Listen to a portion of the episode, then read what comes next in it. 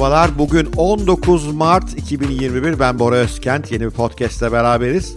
Son birkaç podcast'te hep karar alma, düşünme, strateji bunun üzerine durduk. Bugün biraz yolumuzu değiştiriyoruz. Bugün biraz şu evden çalışma meselesine değineceğim. Dünyada bu pandemiden sonra epey popülerleşti. Artık Türkiye'de de popüler hale geldi ve artık geçici bir uygulama olmaktan kalıcı bir uygulama olmaya doğru evriliyor. Koç Holding gibi, Sabancı Holding gibi büyük pek çok Türk şirketi ki daha bunlar geleneksel yapılar. Çünkü teknoloji şirketleri bunlara zaten daha yatkındı bu evden çalışmaya vesaire. Ama bu tip geleneksel yapılar, bazı büyük bankalar artık diyorlar biz evden çalışmayı kalıcı hale getiriyoruz. Bunun tabii çok hoş yönleri var. Ben evden çalışmayı çok destekleyen birisiyim. Ama karanlık yönleri de var. Bugün iki taraftan da meseleye bakmaya çalışacağım.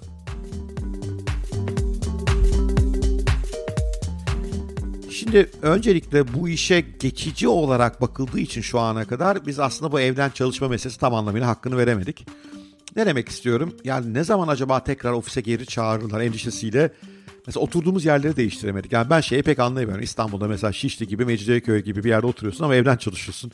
E bu çok zevksiz bir şey ya. Ne kadar anlamsız. E, oysa artık bu işler netleştikçe e, daha başka güzel yerlere taşınma, işte bu hayali kurduğumuz küçük köy evlerinde, çiftliklerde yaşama, oradan işimizi görme ihtimalleri artıyor. Artı bu kalıcı hale geldikçe evlerimizin düzenini buna göre düzenlemek, e, iş saatiyle işte biraz biliyorsun hep böyle bir sorun var. E, bu evden çalışanlar diyorlar ki yani mesai saati, özel hayat hepsi birbirine girdi. Bunlar kalıcı hale geldikçe bence bunlar sistematikleşecektir. Ve evden çalışmanın aslında daha güzel yönlerini yani istediğin yerden istediğin zaman çalışmanın ve e, lokasyonumuzu yaşadığımız şehri değiştirebilmenin avantajlarını yakalıyor olacağız. Tabii şirketler bu işi doğru yaparlarsa. Şirketlerin bu işi doğru yapmasından kastım ne? Siz ben uzaktan çalışma yapısına dönüyorum dediğiniz anda bu sadece toplantılarınızı Zoom'a aktarmakla olmaz. Bütün e, iş yapma şekillerinizi, süreçlerinizi, performans yönetimi ilkelerinizi, çalışan motivasyonlu sistemlerinizi, liderlik anlayışınızda bu yeni dünyaya uygun hale getirmeniz lazım. Mesela yapılan bazı araştırmalar şunu gösteriyor. Bu tip remote çalışmada işte liderin iletişim becerileri, takımı motive etme gücü, karizması falan önemi kalmıyor. Onun yerine e, iş yapan liderler isteniyor. Çünkü ekranlara şey sığmıyor motivasyon. Ancak yaptığınız işi karşıya aktarabiliyorsunuz. Yine şirketlerin böyle motivasyon amaçlı büyük toplantıları falan da böyle bir düzende pek işe yaramıyor. Yapması da zor zaten. Onun yerine işte süreçlerin yer yerinde olması, performansın neye göre ölçüdüğün net olması önem kazanıyor. Çalışanlarımızı çalışma saatleriyle, çalışkanlıklarıyla değerlendirmek önemsiz hale geliyor. Bunun yerine ne ürettiler, üretimin hakkını verdiler mi, ee, söz verdikleri ürünü doğru zamanda, doğru kalitede teslim ettiler mi gibi kriterlere gidiliyor. Bu da işte çalışanlarını denetlemeye çalışan yöneticilerin pek hoşuna giden bir şey değil. Bütün bunların hakkını verip doğru bir uzaktan çalışma yapısı kurunca bence aslında gayet hoş bir şey. Ama dedim ya işin bir karanlık yönü var. Karanlık yön şu. Evden çalışma ister istemez insan sayısını azaltır. Personel azalmalarına gidiyor olacağız. Neden? Mesela bir ilaç şirketini düşünün. Bu ilaç şirketlerinde işte bölge teşkilatları var. O bölge teşkilatlarında bölge müdürleri var. Orada bir ofis var. Orada çaylar kahveler yapılıyor, temizliği yapılıyor. O bölge müdürü işte o arkadaşlarla o bölgedeki ilaç temsilcisi arkadaşlarla zaman zaman toplantılar yapıyor. Onların performanslarını inceliyor. Belki onlarla bazen yolculuklara çıkıyor. Onlara mentorluk yapıyor, koçluk yapıyor. Performanslarını takip edip merkeze raporluyor vesaire vesaire. Böyle bir sürü işi var.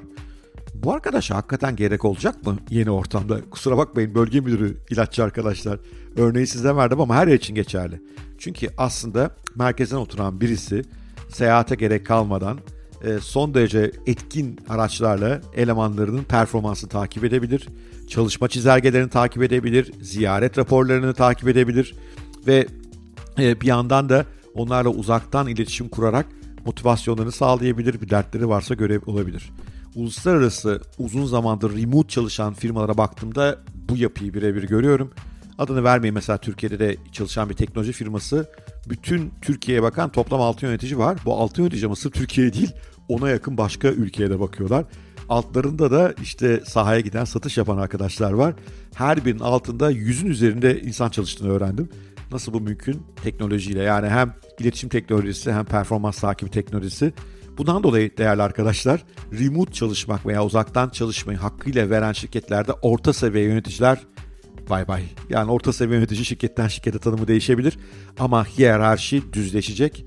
En üst kesimin doğrudan sahadaki insanlarla iletişim kurma, onları yönetme, onlara hakim olma şansı artacak. Bu da geleneksel anlamdaki pek çok yöneticinin pek hoşuna gitmeyecek bir gelişme açıkçası. İşin ikinci karanlık yönü de şu. E, bu uzaktan çalışma aslında daha fazla verinin dijitalleşmesi anlamına geliyor. Yani en basitinden mesela bir video ile konuştuğunuz zaman o video da dijital bir ürüne dönüşüyor. Ve pekala bir yapay zekanın bu videodaki toplantıdaki konuşmaları dinleyip e, bunlardan notlar çıkartması mümkün hale geliyor. Yani basit bir örnek vermeye çalışıyorum. Aynı şekilde haberleşmelerimizin daha büyük bölümü dijital yapılıyor. Yazışmalar artıyor. Raporlamaların daha büyük bölümü dijital aktarımlar haline dönüşmeye başlıyor. Bu da nedir biliyor musunuz? İşte bu yapay zekanın çok sevdiği bir şey. Çünkü yapay zeka işleyebileceği yeni büyük veri setleri sunuyoruz. Videolardaki konuşmalar, yazışmalarımız, WhatsApp grupları, Teams iletişimleri, Slack'teki işte proje iletişimleri bunların her biri aslında yapay zeka destekleyebilen yapılar. Yapay zeka ne yapar? Yapay zeka gelir buralardan rutin işler varsa bunları çıkarır. Bu rutin işlerden şirketi kurtarır. Bu rutin işleri yapan insanların da biraz ne bileyim pek hoşlarına gitmeyecek bir şey olur herhalde bu. Çünkü onlardan daha hızlı, daha verimli, daha kaliteli bir şekilde bu işi yapabilir. Bir düşünün bunun etkilerinin ne çok olacağını. Evden çalışmanın aslında bir de ekosistemsel etkisi var. Yani çünkü ofislere giden insanlar işte bunlar servisler var bunlara hizmet veriyor. Oradaki restoranlar var. Oradaki işte iş yerinin yakındaki belki eğlence merkezleri var. Oradaki kuru temizleyici var, çiçekçi var. Dev bir ekosistem dönüyor. Ofislerin temizliğini yapan, bakımını yapan insanlar var. Dev bir ekosistem var burada. İnsanların ofisten çalışmasından geçinen Onların durumu da iyi olmayacak maalesef ee, ve göreceğiz ki bu tip hizmetleri veren insanlar cidden işsizlik yaşayacaklar. Yani mesele sadece beyaz yakalıları veya yöneticileri vurması değil, onlara hizmet vererek geçinen insanlarda da büyük sıkıntılar olacağını öngörmek gayet mümkün. Zaten e, hizmetler sektörü Türkiye şu anda bu tip hizmetlerle geçiniyoruz. Düşünün güvenlik görevlileri, temizlikçiler ne kadar çok insan çalışıyor bu alanlarda. Onların büyük bölümünün yaptığı işlerin önemi epey azalıyor olacak. İçinizi karartmaya devam edeyim biraz daha. Son söyleyeceğim de şu. Bir de şirketlerin önünde şöyle bir olasılık açılıyor bu durumda. Dünyanın her yerinden insan çalıştırabilirler. Özellikle knowledge work dediğimiz yani bilgiye dayalı işler. İşte bir yandan yazılım türü işler, büyük zeka, bir yandan pazarlama türü işler, yaratıcılık gerektiren işler. Şirketler bunlarda artık kendi ülkelerine, kendi coğrafyalarına bağlı kalmak zorunda değiller. Pekala sizin yerinize Pakistan'daki çok iyi bir yazılımcı işe alabilirler. Pekala sizin yerinize işte Tayland'ın küçük bir köyündeki çok yaratıcı bir grafik tasarımcı işe alabilirler.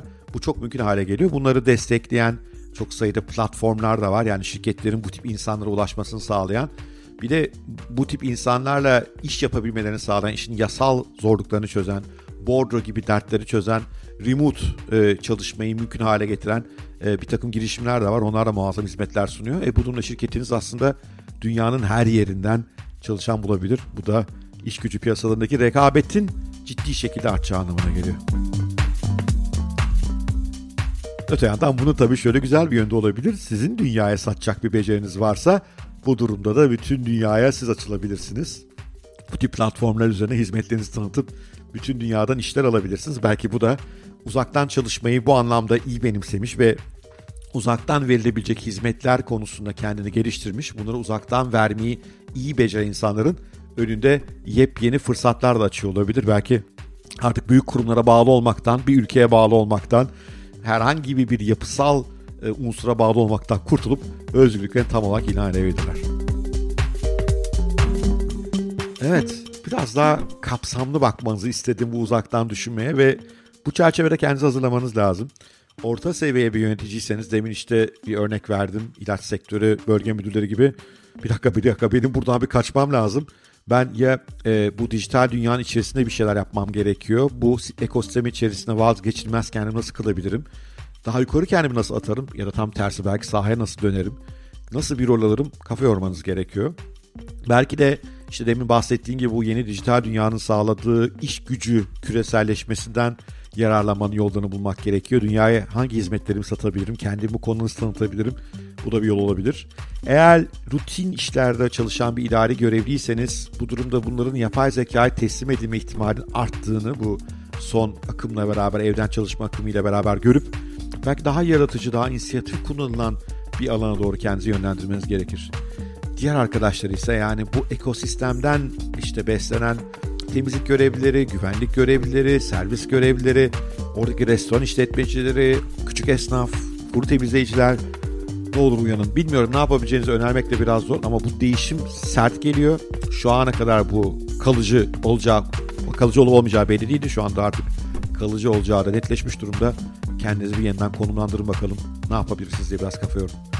Evet, bugünkü podcast'ta bu kadar. Biraz iç karartıcı oldu biliyorum ama kimse gerçekleri konuşmayı çok sevmiyor. Oysa gerçekleri konuşmak lazım ve kendimizi hazırlamamız lazım. Her zamanki gibi bu podcast'ı beğenmişseniz lütfen bir like, bir yorum süper olur. Eğer Spotify gibi e, platformlarda dinliyorsanız oralarda like opsiyonu yok. Lütfen bir Apple Podcast'te bir gidin. Apple Podcast orada bir like, bir yorum nefis olur.